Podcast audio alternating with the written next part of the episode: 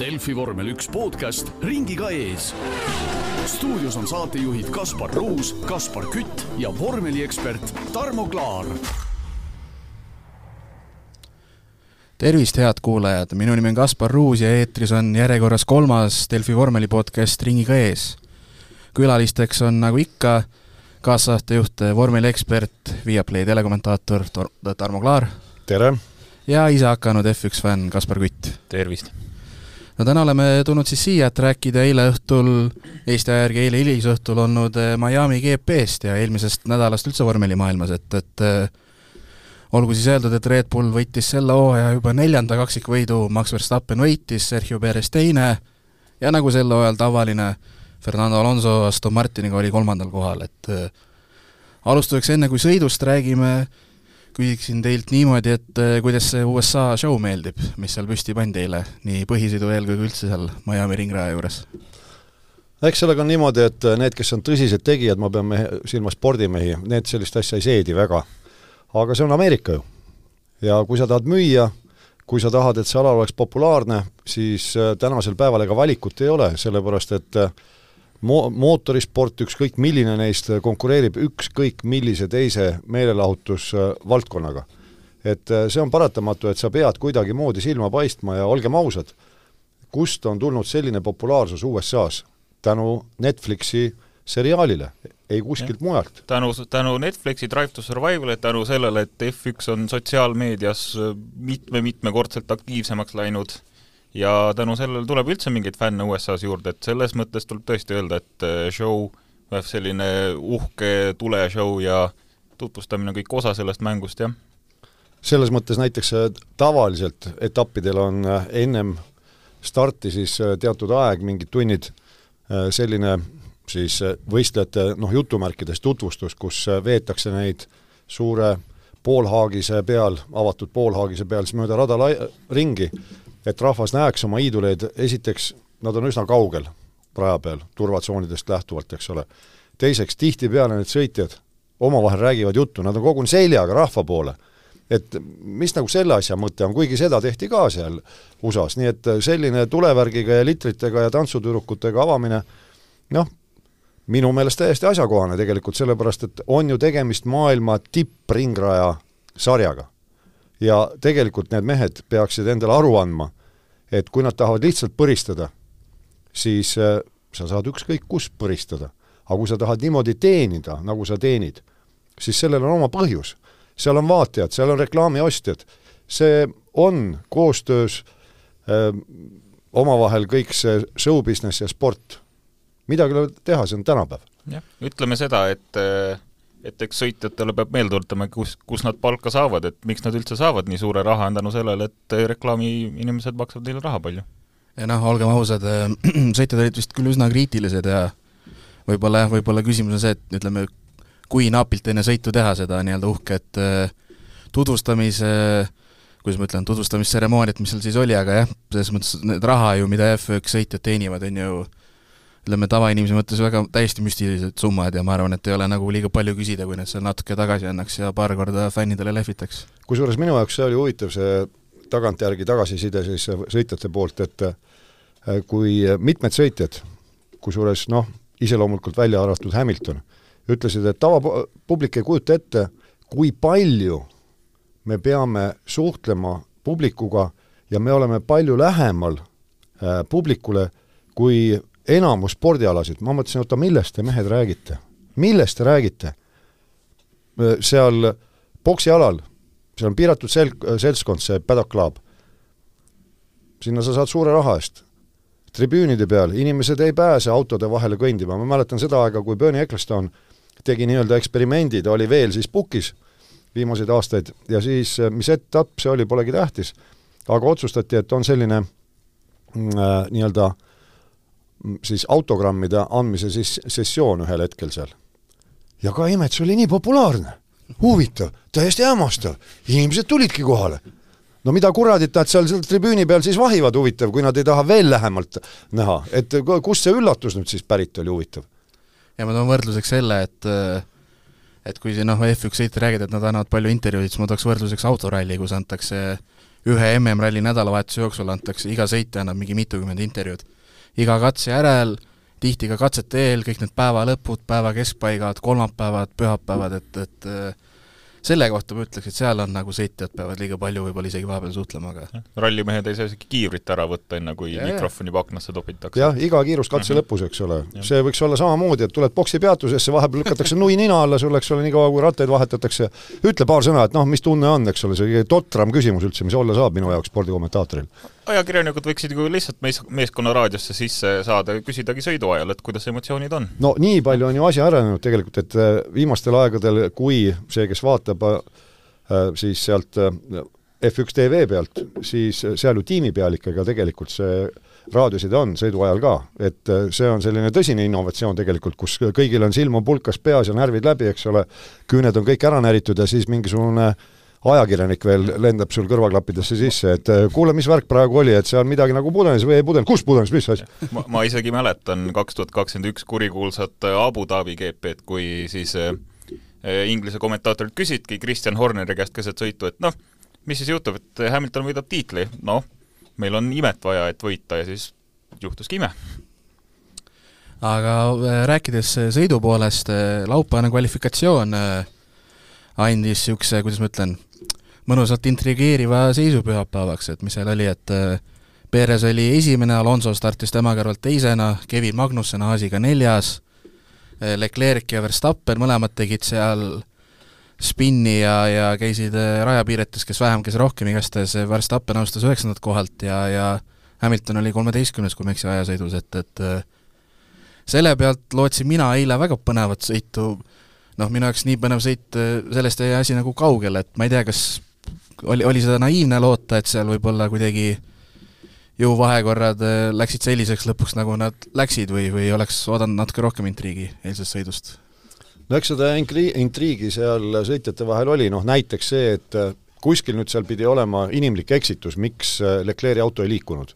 sellepärast, et noh, ta oli ju täitsa nagu kanatakus, aga pealtvaatajatel oli kindlasti päris põnev vaadata seda Magnusseniga heitlust, kus nad seal kord üks DRS-iga sai mööda, kord teine, ja käiski selline ütleme, järjestikustel rajalõikudel kohtade vahetus, et noh, see oli suhteliselt põnev.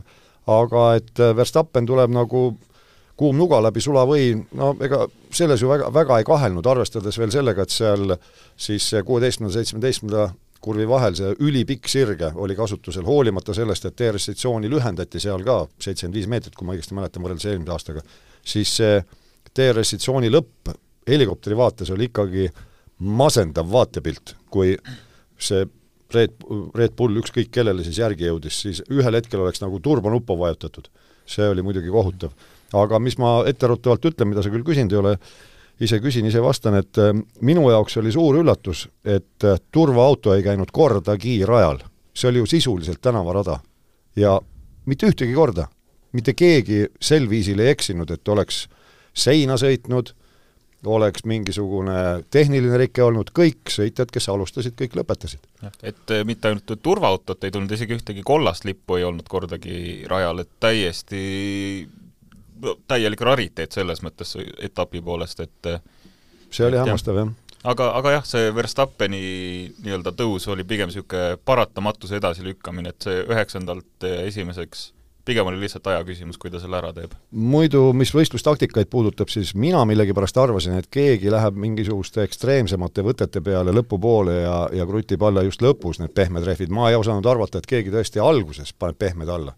sellepärast, et noh, jätkuvalt on ju reeglid sellised, et sa pead raske autoga alustama, sa pead alustama raske kütusekoormaga, vahepeal tankida ei tohi, ja no ega need, kes seal alustasid pehme rehviga väga kaua, ei sõitnud ju ma tuleks selle turvaauto ja, ja kollaste lipu juurde tagasi, et, et äh, jah, esimest korda sel hooajal mitte ükski sõitja ei katkestanud ja, ja sõit oligi noh, enam-vähem nii kiire, kui ta olla sai, selles mõttes, et ühtegi intsidenti ei olnud, turvaautot ei olnud, äh, jah, minu arust ka, minu arust ma ei mäleta, et oleks kollaseid lippe üldse isegi lehvitatud eile, et äh, meenub teil veel mõni niisugune sõit kunagi?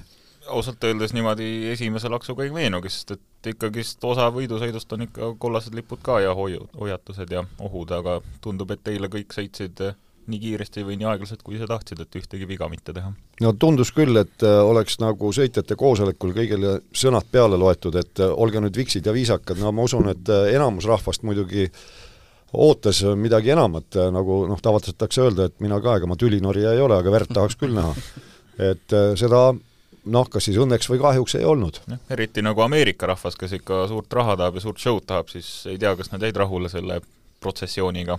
no jumal tänatud, et see sõidueelne tseremoonia oli, et see oli võib-olla põnevamgi kui sõit neile. no päris protsessioon siiski ei olnud, õnneks, et ütleme, see uus asfalt, mis maha pandi, see pealmine kiht, eh, konsulteerituna siis Tilke kontoriga, Herman Tilke projekteerimisbürooga, et milline see asfalt peaks olema, eh, see oli muidugi samm edasi ja, ja müts maha üleüldse selles mõttes korraldajate ees, et rada oli ju väga hästi puhastatud, hea küll, see vihma sadas ka mingi kolm tundi ennem starti aga ikkagi, kui mingi, mindi ideaaltrajektoori pealt kõrvale, siis ainus koht, kus tolmas mulle üllatuslikult, oli stardi-finiši lõpp. no see ka lõpuks enam kaua ei tolmanud, sellepärast et seal tikuti ikka mööda sõitma. aga üldiselt rada oli väga hästi ette valmistatud. ja ainus, ma korra veel jätkan sel teemal, et ainus intsident, mis mul üldse silma jäi, oligi see kohe avakurvis, kui Nick de Vries äh, äh, natuke kinni pidurdas ja Norris sealt tagant natuke toksas, aga jah, muidu oli selles mõttes kon-, nii-öelda kokkupõrgete mõttes oli väga-väga puhas sõit, jah.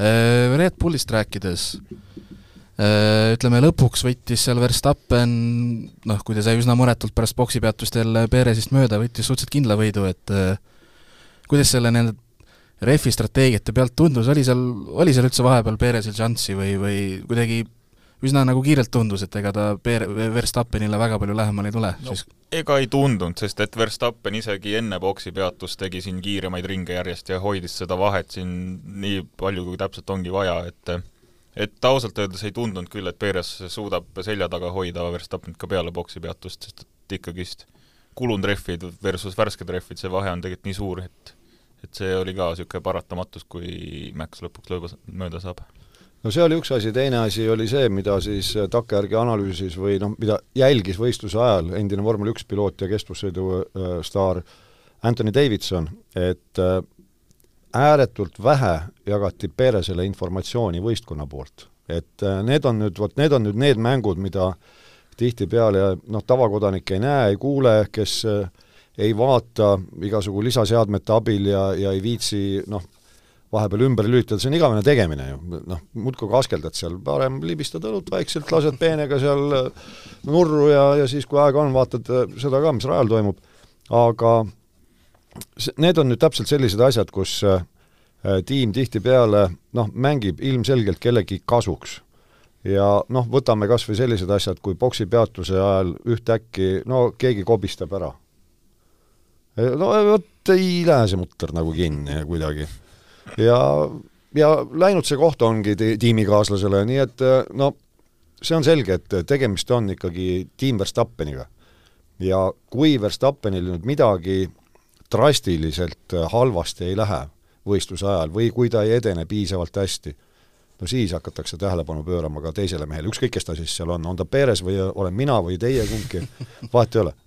nojah, tegelikult tahtsin ise ka mainida, et Verstappenile loeti ju siis, kui ta seda Äh, nii-öelda esimest tinti tegi, et talle ju loeti pidevalt, nii kui sa nüüd oled boksis, oled viis sekundit maas, siis läks paremaks, nüüd oled üks koma seitse sekundit maas, et nagu temal oli see pilt ikkagi kogu aeg ees. ja mulle äh, kolleeg Jaan Martinson ütles ka täna hommikul, et, et Sergio Perez sõitiski selles mõttes nii-öelda natuke nagu pimeduses, et tal ei olnudki nagu midagi teha, et infot ei antud ja, ja. püüad nii-öelda hakkama saada. Jah, ja noh, kõik ei ole nii terased ka ja sõltub, millises äh, situatsioonis võistlusel äh, sa parasjagu oled, et nagu Alonso vahepeal vaatab, eks ole, telekaekraanilt, kuidas konku-, või tähendab, võistkonnakaaslane mööda sõidab, et oo, hea manööver, et aa, mis koha peal ta on, eks ole, et ise lendab seal kolmsada viiskümmend kilti tunnis, aga no nad ongi supermanid tegelikult. ja aga noh, Horner, ma ise lugesin, ütles etapi ajal küll ilusti välja, et kõik mõlemad sõitjad on meil võrdsed ja ja, ja keegi eelist ei saa, aga noh, eks see eks see paratamatult ongi niisugune ilus PR, et ei saa ju otse välja ka öelda. no ütleme otse, see ongi puhas PR-pläma.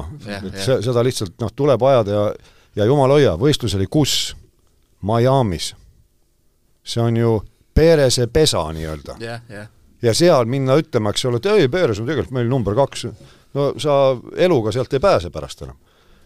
huvitav, äh, noh, hooaeg on ju tegelikult ju nii varajases faasis veel, et, et äh, ma ise tahaks nagu küll loota, et Pere siin seal võib veel natuke ikka lõbusamaks minna vahepeal.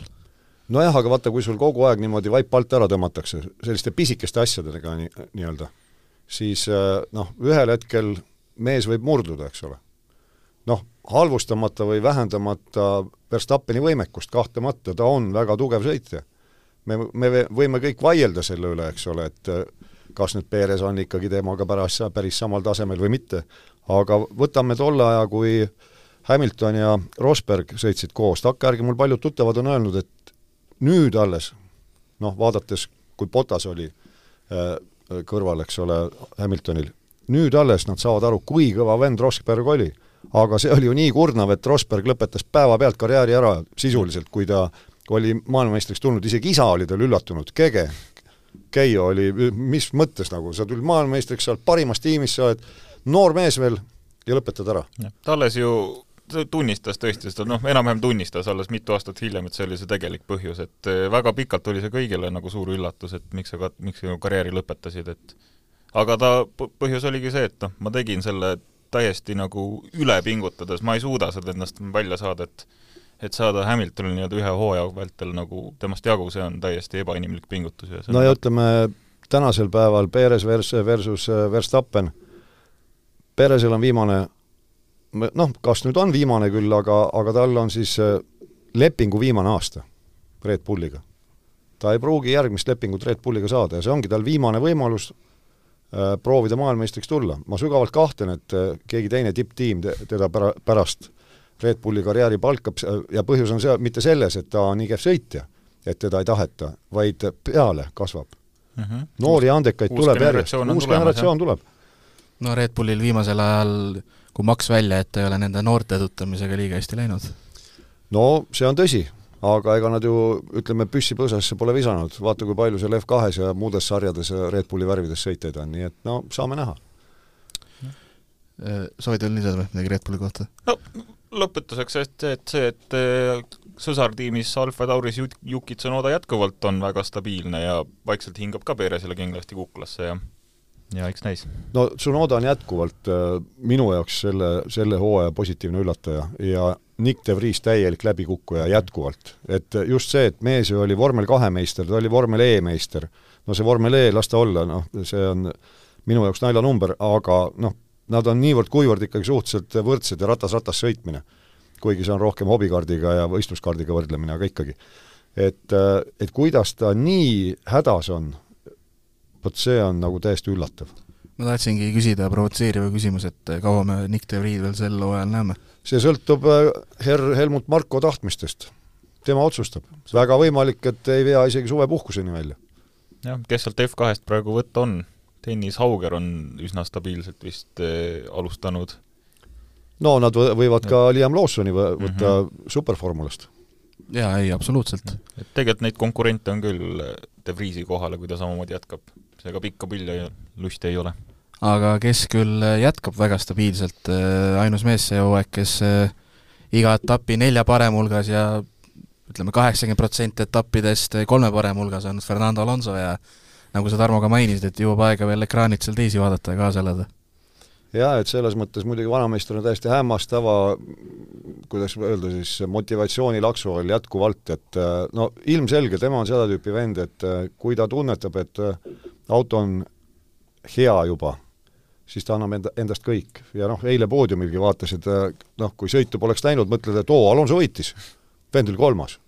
no millal varem on Alonso kolmanda koha pärast nii hirmsasti äh, Äh, rõõmustanud. ja ta pani seal ju tantsu poodiumil ja, ja no näha on, tema nagu sõidab täpselt niimoodi, et äh, suu on kõrvuni ja, ja kõik on nagu, ja kõik toimib ka hetkel. ja tundub, et ta nagu võtab aina rahulikumalt, selles mõttes nagu tõesti, et äh, nagu sa, Tarmo, mainisid jah, et rahulikult lõpp, see lõppesirge peal vaatab, et kurat, Stroll tegi päris hea möödasõidu, et kiidame ka korraks, et ta mängib kõiki neid meeskonnamänge, kõiki mänge mäng, mängib väga hästi praegu. no nagu ta ise ütles, et äh, Stroll on tulevik, et Stroll on äh, järgmised viisteist aastat il ilmselt äh, esisõite seal, noh, eks see väike liialdus oli, aga no kui papa sul on tiimiomanik, siis no, no tahaks näha, mismoodi papa oma poisile nii-öelda hundipassi annab, eks ole. ja ka, ja ka Stroll on nagu välja ka teeninud selle koha vähemalt, mulle tundub, et kui need mõned üksikud eksimused välja jätta, siis ta on tegelikult üsna tublisti see hooaeg esinenud. Ei- Alonsole nagu ohtu ei tekita, aga mängib seda number kahte väga hästi. ja just, et äh, ta on küll rahakoti esindaja, aga, aga ta ei ole aeglane. ja no Stroll on, kui siin punktiseisu vaadata, on eh, kaheksas, aga selles mõttes vahed on väikesed, et Russell, Leclerc, Sainz ei ole ees nüüd liiga kaugel, et kümmekond punkti siia-sinna, et, et nii et jah, selles mõttes väga korralik hooaja algus. Mercedes eile sai neljanda ja kuuenda koha, Russell oli, Russell oli siis neljas ja Hamilton suutis kolmeteistkümnendalt kohalt lõpuks kuuendaks tõusta, et tundus, et niisugune, mida sõita edasi, seda kuidagi rohkem nad oma hoo kätte said.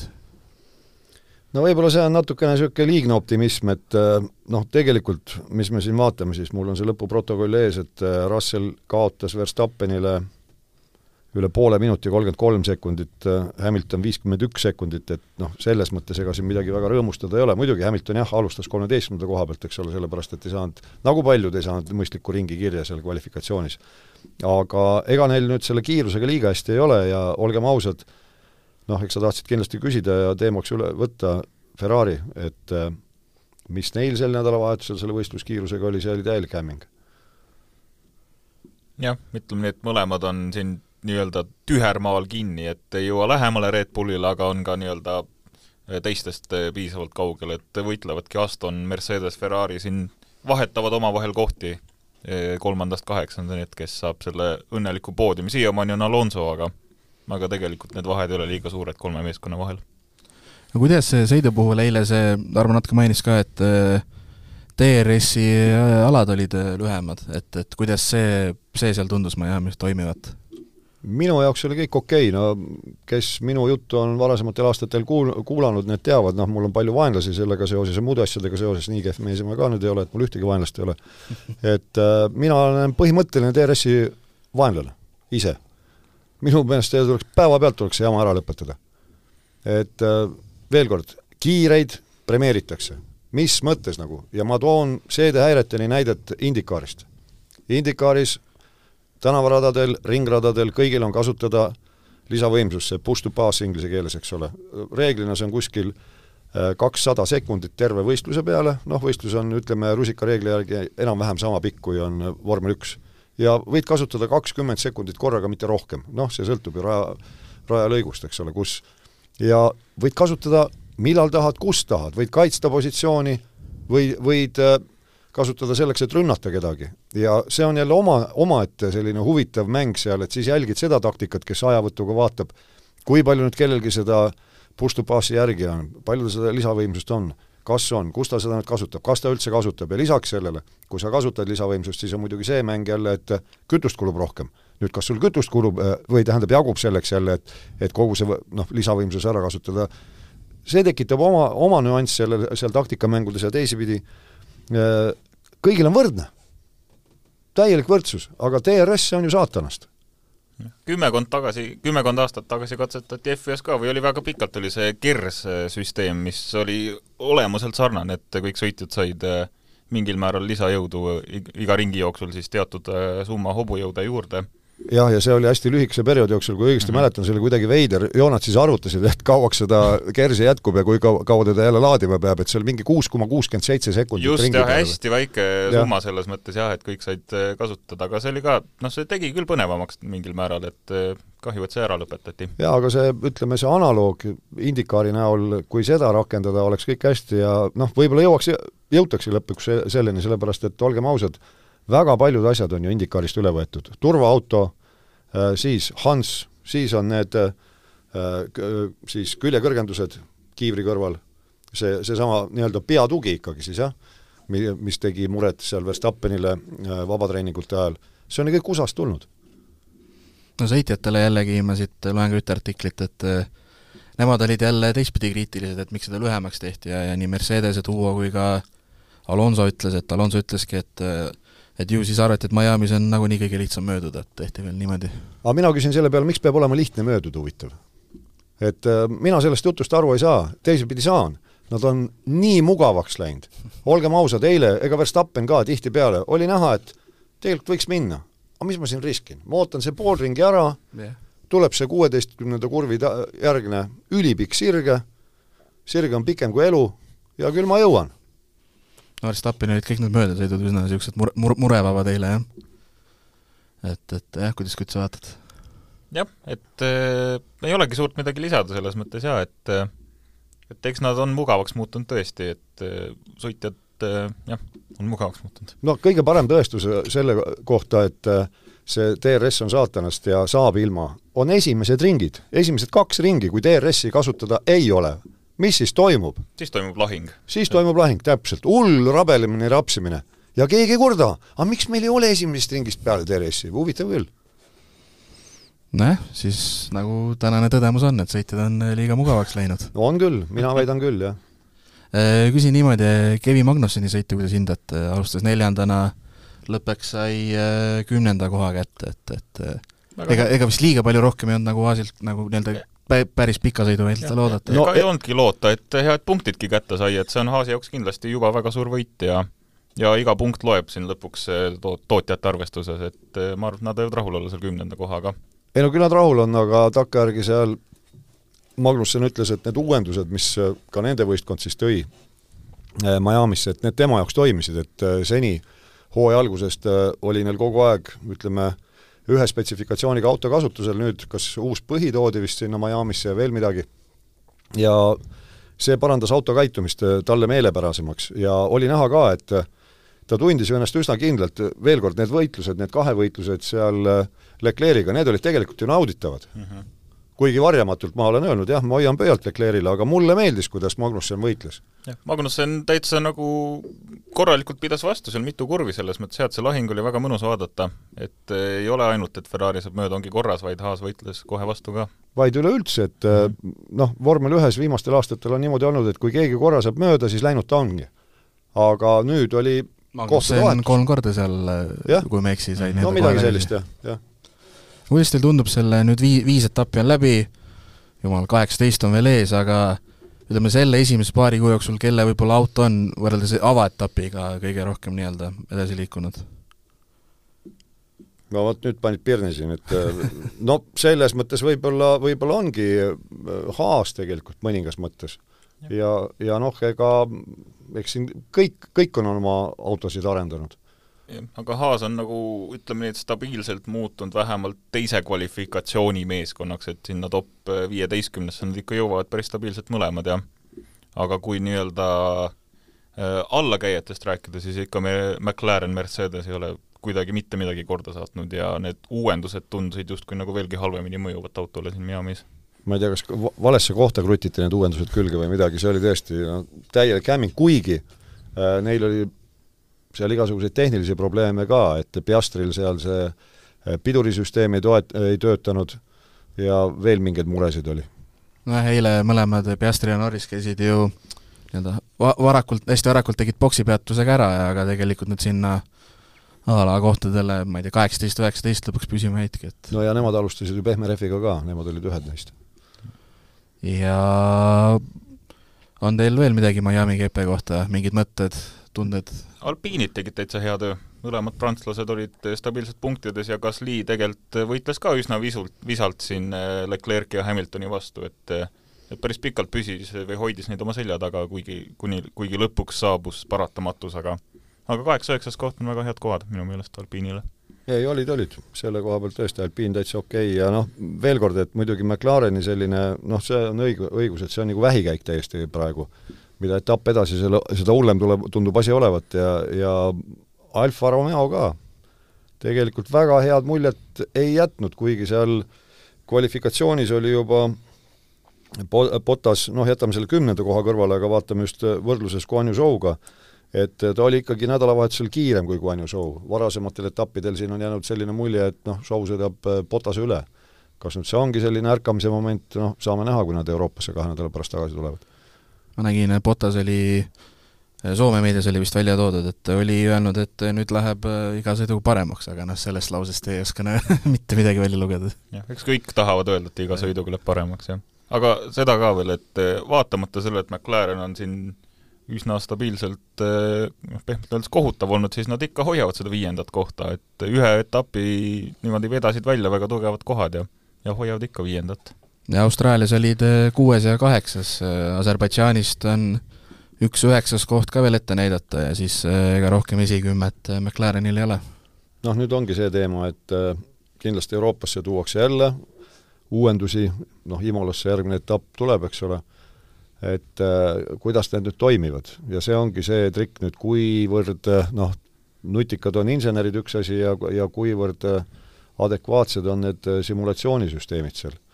Et kuidas need noh, aerodünaamika osad nüüd siis, mida uuendatakse, põhja kallal nähakse kõvasti vaeva, sellepärast et põhi ju toodab seda survejõudu. et kuidas need andmed, mis nad arvutist saavad, on korre-, korrelatsioonis tegeliku eluga. sest tihtipeale on see, et kuskil keegi on programmis mingi näpuka teinud, programmi kirjutaja, eks ole, neid programme ju kirjutatakse tegelikult äh, toetudes äh, reaalsest elust saadud andmetele. see käib ju sedapidi, eks ole. Siis on äh, tuuletunnel kasutusel. Ja siin on tugevamadki võistkonnad olnud hädas, et ühtäkki neil äh, tuuletunnel näitab aiateibaid nii-öelda, et ollakse väga lootusrikkad, kui tuuletunnelist tulevad oma uute lahendustega, lähevad rajale ja tegelikult ei tööta. et siin näiteks noh, Ferrari'l ka läinud nädalavahetusel nüüd, äh, see oli huvitav, et mm, Leclerc just ütles, et auto käitus niimoodi, nagu ta terve nädalavahetuse ei ole käitunud võistlussõidus. et tasakaal oli täiesti paigast ära. Et nüüd siin ongi küsimus, et ka ja, ja see just, et hüples palju ja põhi käis vastu maad, no eriti alguses, noh eriti alguses muidugi, kütuse, kütuselast on suur, aga te olete ju kogenud mehaanikud kõik, kõik on ju välja, välja arvutatud, tea, teada, kui palju ta madalamaks läheb, palju ta tõuseb, kui kütus kulub, et kas seal oli nüüd inimliku eksamisega tegemist või mis, raske öelda. Noh, nüüd on äh, kaks nädalat aega nii-öelda paberid natuke rohkem korda saada, et siis, siis tuleb ju järjest äh, kolm nädalat äh, GP-sid, et Imola, Monaco ja Barcelona. no nii ongi, et ütleme, kui, kui vaatame nüüd tagasi äh,, Bakuust alates kuue nädala jooksul viis etappi ja siis vahepeal kuu aega oli lihtsalt nina nokkimist. noh, tegelikult no see on nüüd liialdus muidugi, aga noh, tänu sellele, et Hiina etapp vahelt ära jäi mm. -hmm. Et praegu see koormus, see mahv on ikka meeletu, mis võistkonnad hakkavad saama jah, ja siis on äh, nojah, pärast Barcelonat on nii-öelda kaks nädalat pausi, siis tuleb jälle samamoodi tihe graafik jätkub, et, et äh, eks see kakskümmend kolm etappi on ju ikkagi aastal läbi lõikas on ikkagi päris, päris raju kalender. ikkagist täiesti metsik kalender, et äh, kakskümmend kolm nii suurt summat ega ei näegi kunagi, no mäletan aegu, kui täiesti tavaline oli teha mingi viisteist-kuusteist etappi aastas ja see oligi täiesti adekvaatne summa pilootidele ja nad ütlesidki, et see on niisugune enam-vähem ideaalne, et Äh, nojah, sellepärast et äh, praegu kui vaadata, see kakskümmend kolm etappi, see mahutub enam-vähem sellesse samasse ajavahemikku aasta jooksul, mis ma-, mahutus mingi kakskümmend etappi, et ega jõulude ajal ju ei lõpetata mm. -hmm. see ja, lõpeb no, ju vara, jah, varadetsember, novembri lõpp on see jah, ja algab ju märtsis, et päris pikka aega tegemata. Viiendast märtsist kahekümne kuuenda novembrini, kakskümmend kolm nädalavahetust. jah, see on ikka päris, noh, võib öelda muidugi, et mis pöörane, et äh, NASCAR sõidab siin, kas see on kolmkümmend kuus etappi aastas või? viiskümmend kaks nädalat on, aga noh, see on niivõrd-kuivõrd lokaalne sari, eks ole, see ongi USA-s, noh, USA muidugi ei ole nagu Eesti nii väike, aga, aga ikkagi noh, siin päris nii võrrelda ei saa. aga noh, nagu me enne tõdesime, et äh, sõitjad on mugavaks läinud. Äh, absoluutselt programm ja muidugi ega tiimidele ja kõikidele mehaanikute, inseneridele, ega see ju kõik lihtne ei ole, noh, nii palju kodust eemal ja ei, seal, see on selline poissmehe ja vallalise naisterahva amet rohkem seal tiimis töötamine, nii et ega noh, kes on kas või Adrian Newey raamatut lugenud, mina olen seda kaks korda lugenud muuhulgas, noh, ega tal on juba üsna mitmes kooselu, nii et aga kas äh, tõmbame saate kokku, on teil midagi veel Miami'st öelda edasiste mõtete kohta, edasiste etappide kohta midagi? sa mõtled äh, järgmistel aastatel Miami's või mis võiks toimuda või? ei, ma noh, mõtlesin pigem seda aastat, aga jah, mine tea, mis tseremooniad järgmisel aastal Miami's on ja ma ootaks ikka veelgi suuremat show'd, kui me juba järgmisest aastast räägime, siis mida veel saaks teha, toome, toome veel mingid kahurid välja ja toome veelgi rohkem tüdrukuid ja teeme, teeme ikka väga korralikult selle show. no mina arvan, et sa ei pea nii kaua ootama, et ootame Las Vegas ära sellepärast, et Las Vegas saab olema ju ka öine sõi-, sõit veel kõigele lisaks et äh, mis ta on siis, USA aja järgi on ta äh, koguni laupäeva öösel ju. meie aja järgi siis pühapäeva varahommikul, kui õigesti mäletan, kell kaheksa meie aja järgi hommikul on start. et äh, ja seal sõidetakse mööda seda noh, kuulsat Las Vegase stripi, stripi jah, nii et see ei ole küll stardi-finiši sirge, aga noh, võib vaid ette kujutada, mis äh, kellad ja viled seal mängus on. aga noh, Miami kohta ma tahan seda öelda, et tõesti see rajalõik, mis seal oli, selle liiklussõlme all, selle mitmetasa, tasapinnalise liiklussõlme all, see neljateistkümnes, viieteistkümnes, kolmteist, neliteist, viisteist kurvis, see eriline sikerdamine seal, et äh, sõitjad jätkuvalt sellega rahulolematud, ma saan, siin ma olen nendega nõus, aga kui niimoodi vaadata, noh, seal peab, peaks siis süvenema, et äh, võib-olla see rada siis peaks hoopis kuskilt mujalt minema, sellepärast ega selle koha peal väga mingit muud lahendust leida on suhteliselt keeruline. aga mis oli positiivne minu jaoks ikkagi, et see äh, uus asfaltkate, tundub, et see, see toimib. sest eelmisel aastal, kui esimest korda sõideti, see ju reaalselt tükkidena tuli lahti. Need võimsad autod lihtsalt koorisid lahti või, või rebisid lahti selle rebisid lahti selle asfaltkatte jah, et see oli täitsa uskumatu tegelikult.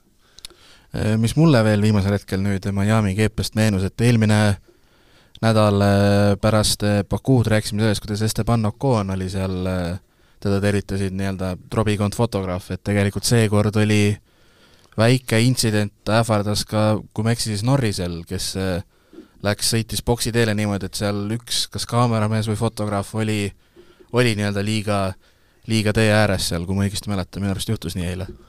Noh, selliseid juhtumeid võib ikka tulla, aga nüüd äh, täpsustati jah, siis seda äh, protseduuri, et äh, millal võivad igasugused fotograafid, ajakirjanikud poodiumitseremoonia ettevalmistajad minna boksi teele või, või seal läheduses toimetama hakata, et see on siis sellest hetkest, kui viimane auto on finišilipu alt läbi sõitnud. nii et ühesõnaga on ikkagi noh, järeldused Bakuust on tehtud ja loodetavasti neist suudetakse ilusti kinni pidada. noh, lootus sureb viimasena. Aga ma arvan, et selle mõttega tõmbamegi tänasele saatele joone alla, et tänud teile mõlemale aega leidmast, saatesse tulemast ja mis seal ikka, kohtume siis äh, järgmine kord, kui on äh, Imola, Imola ringrajal äh, sõidud sõidetud ja punktid jagatud, kõike head! järgmise korrani! nägemist! Delfi vormel üks podcast ringiga ees